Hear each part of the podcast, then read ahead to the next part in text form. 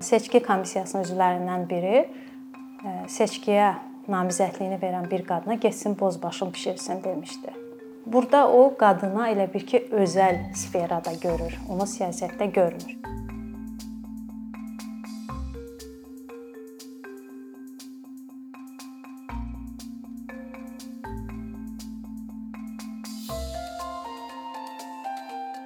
Siyasi iştirakçılıq müəyyən qrupların və fərdlərin siyasi proseslərdə müxtəlif şəkildə iştirakidir. Siyasi iştirakçılıq demokratiyanın mühüm aspektidir. O fərdlərə imkan verir ki, öz hökumətlərini monitorinq etsin fəaliyyətini.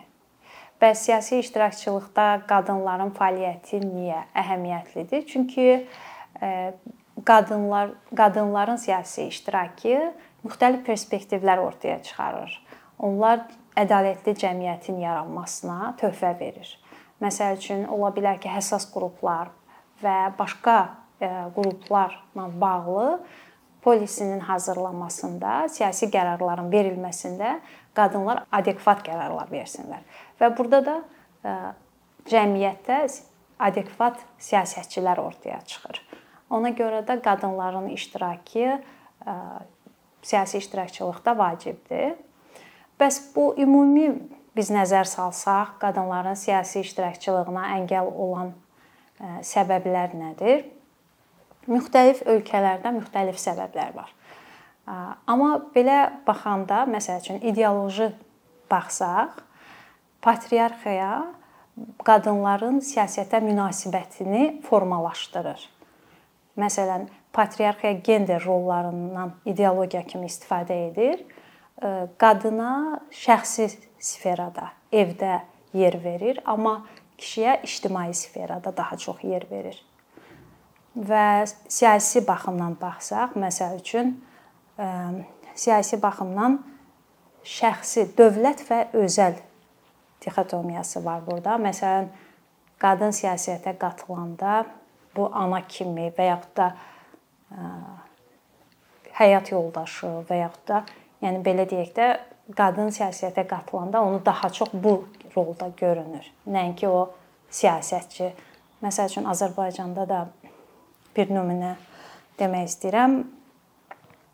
Seçki komissiyasının üzvlərindən biri seçkiyə namizədliyini verən bir qadına getsin bozbaşın bişirsin demişdi. Və Burada o qadına elə bir ki, özəl sferada görür, onu siyasətdə görmür. Və bir də baxsaq iqtisadi səbəblərinə, iqtisadi səbəbləri məsələn birinci növbədə resurslara bərabər əlçatımlılıq məsələsi var. Ən birinci əhəmiyyətli məsələ təhsil məsələsidir ki, o təhsilə əlçatımlı olmalıdır və bundan əlavə bir də iqtisadi məsələ deyəndə biz nəyi nəzərdə tuturuq? Əsasən qadınlar evdə çalışır və onlar uşağa baxır və s. və yaxud da o qadın gedir çalışır, maaş qazanır və uzun iş saatlarından sonra o evə gəlir, yenə evdə də müəyyən işlər görür və s. Burada artıq onun hər hansı bir fəaliyyət göstərmək üçün vaxtı qalmır. Ümumiyyətlə belə biz Birləşmiş Millətlərin xəritəsinə baxsaq 2023-cü il üçün Burada gender bərabərliyi və qadınların siyasi iştirakçılığında artış var əvvəlki illərə nisbətən. Amma yəni ümumi vəziyyət heç də ürək açan deyil. Yəni bütün dünyada qadınların siyasi iştirakçılığı elə də çox belə yüksək səviyyədə deyil, amma qadınların ən çox siyasi iştirakçılığı Avropa ölkələrinin payına düşür. Və Məsələn, bizi kimi ölkələrdə və yaxud da siyasi sistemin e, necə deyirlər, çətin olduğu bir ölkələrdə e, ölkələrdə e, qadınların siyasi iştirakçılığında onlar daha çox şəxsi həyatları gündəmə gətirilir və bu fəaliyyətlər boğulur. Yəni ki, bu hədəflənir ki, bu qadınların siyasi fəaliyyətləri başlamadan və yaxud da elə başladığı kimi də bitsin. Buna çox nümunələr göstərmək olar əslində, amma mən özüm bələdiyyə üzvü kimi nümunəmi çəkmək istəyərdim ki, məsələn mən bələdiyyə seçkilərindən qatılanda 7-8 nəfər polislə ora daxil olmaqla kişi məni seçki məntəqəsinə çağırdı və məni qorxutdu. Saat hardasa təxminən axşam 7-8 radələrində. Məsələn, bu gündüz də ola bilərdi və məni danışığa çağıra bilərdilər, müəyyən söhbətlər, dialoq gedə bilərdi.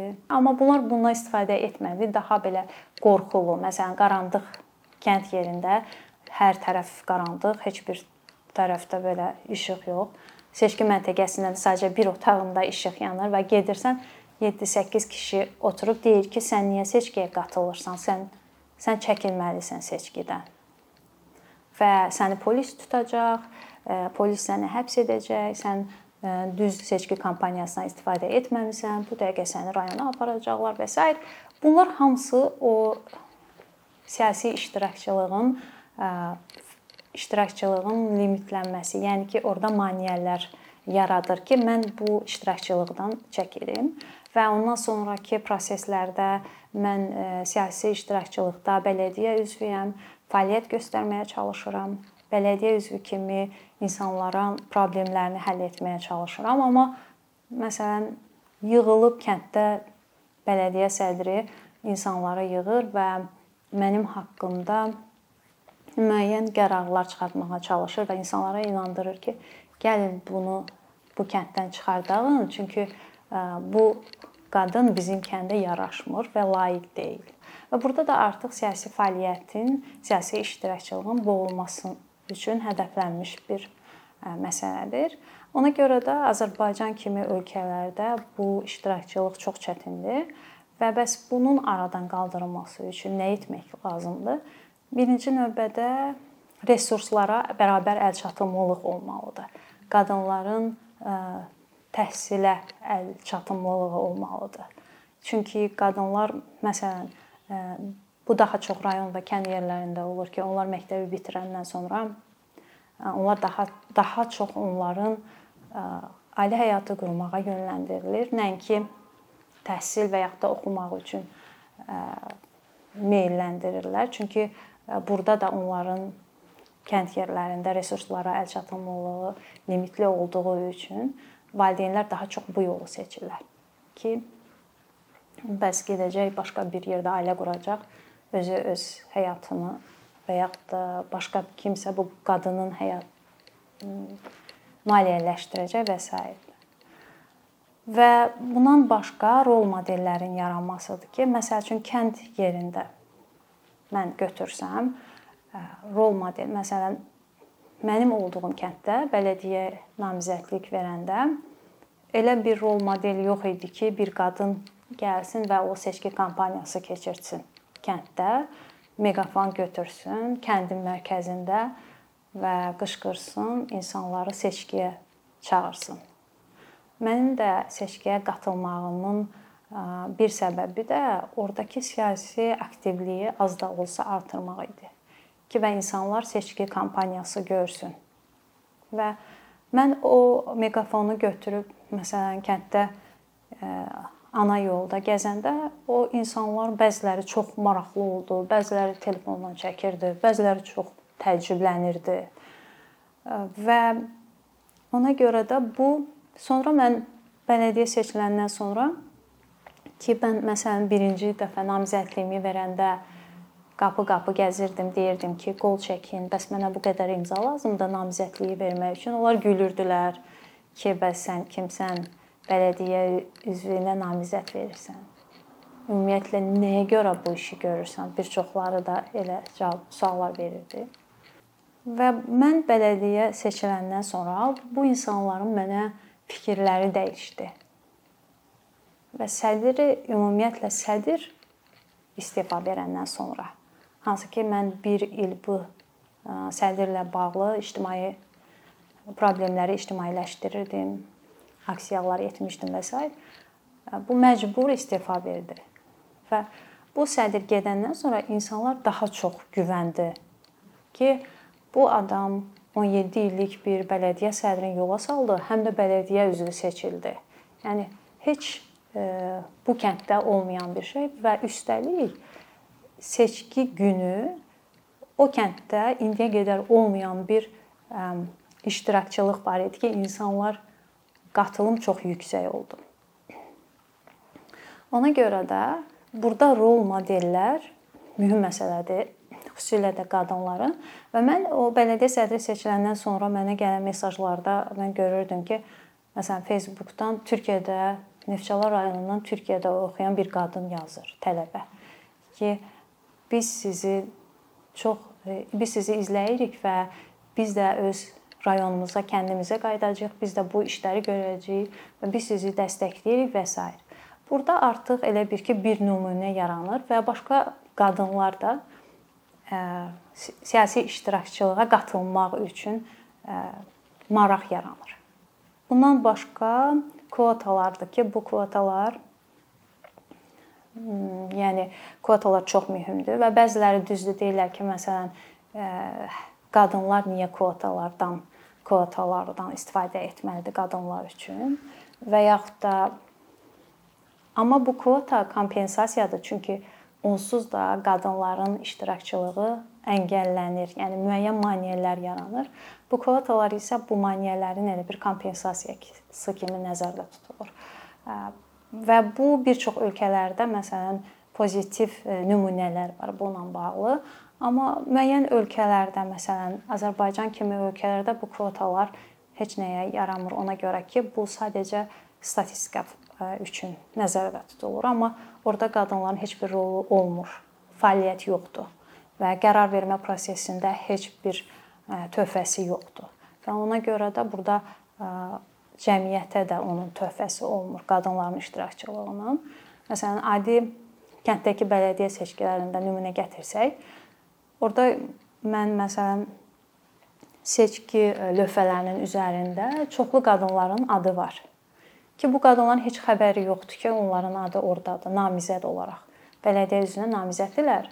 Daha çox məktəbdə müəllim işləyən qadınları bunlar namizədlərini irəli sürürlər, amma özlərindən xəbərsiz. Çünki o məktəbdə işləyir və qeyri-iradi olaraq da əgər o hər hansı bir dövlət idarəsində adı çəkilirsə, o gəlib o işi edəcək. Çünki onun işi həm də dövlətdən keçir, həm də o məktəbdən keçir. Onlar bir-birinə əlaqəli olduğu üçün o avtomatik həm də bələdiyyə üzvü olur. Amma o seçilmir. Amma bu prosesdə o sadəcə olaraq bir alət rolunu oynayır. Belə deyək də, onun daha töhfədən çox əslində zərər verir cəmiyyətə bu nümunələr. Kənd yerlərində, bəlkə şəhərdə də belədir, bilmirəm, amma məndə konkret statistika olduğu üçün seçkiyə qatılanlar daha çox səs vermək kişilər olur. Qadınlar isə daha az olur ses seçkidə iştirakçılıqda qadınların. Ona görə də hə qadınlar gəlmişdi və mənə səs verən 28 nəfər qadın var idi. Amma bu bir kənd üçün də belə çox da belə pis rəqəm deyil, çünki bir kənddə 28 nəfər qadın seçkiyə gəlmişdi, amma daha çox kişilər əlbəttə ki. Kişilər daha çoxdur və qadınlar, kişilər münasibəti necə idi? Məsələn, məndə kişilər bizim evə gəlirlər mən gedəndə kəndə və gəlirlər danışırlar kəndin problemlərindən. Kim hətta onlar məsəl üçün e, zəng vururlar ki, bəs nə vaxt gələcəksən kəndə? Biz gəlmək istəyirik, müəyyən məsələləri danışmaq istəyirik, müzakirə etmək istəyirik. Yəni ona görə deyirəm ki, Burada mən seçiləndən sonra insanların münasibəti dəyişdi. Bunların içində də daha çox kişilər, çünki daha çox kişilər e, maraqlıdır da bu kəndlərdə də ki, bu daha çox kişilər aktiv olduğu üçün, sosiallaşdığı üçün daha çox onlar bu məsələləri danışırlar. Ona görə də onlar məsəl üçün onların fikirləri dəyişdi. Mən atam həmişə deyir ki, mən Məsələn, çıxıram küçəyə, bayrağa, adamlar deyir ki, hə, çox halal olsun sən qızına bəs e, sədr, keçmiş sədr göndərdi. və yaxud da ki, halal olsun ki, bələdiyyə sədri seçildi. Belə o çox danışır. Hətta deyir ki, insanlar deyir ki, hə biz o qızla fəxr edirik və s. Və burada avtomatik biz nəyi görürük? Qadına olan münasibət də dəyişir.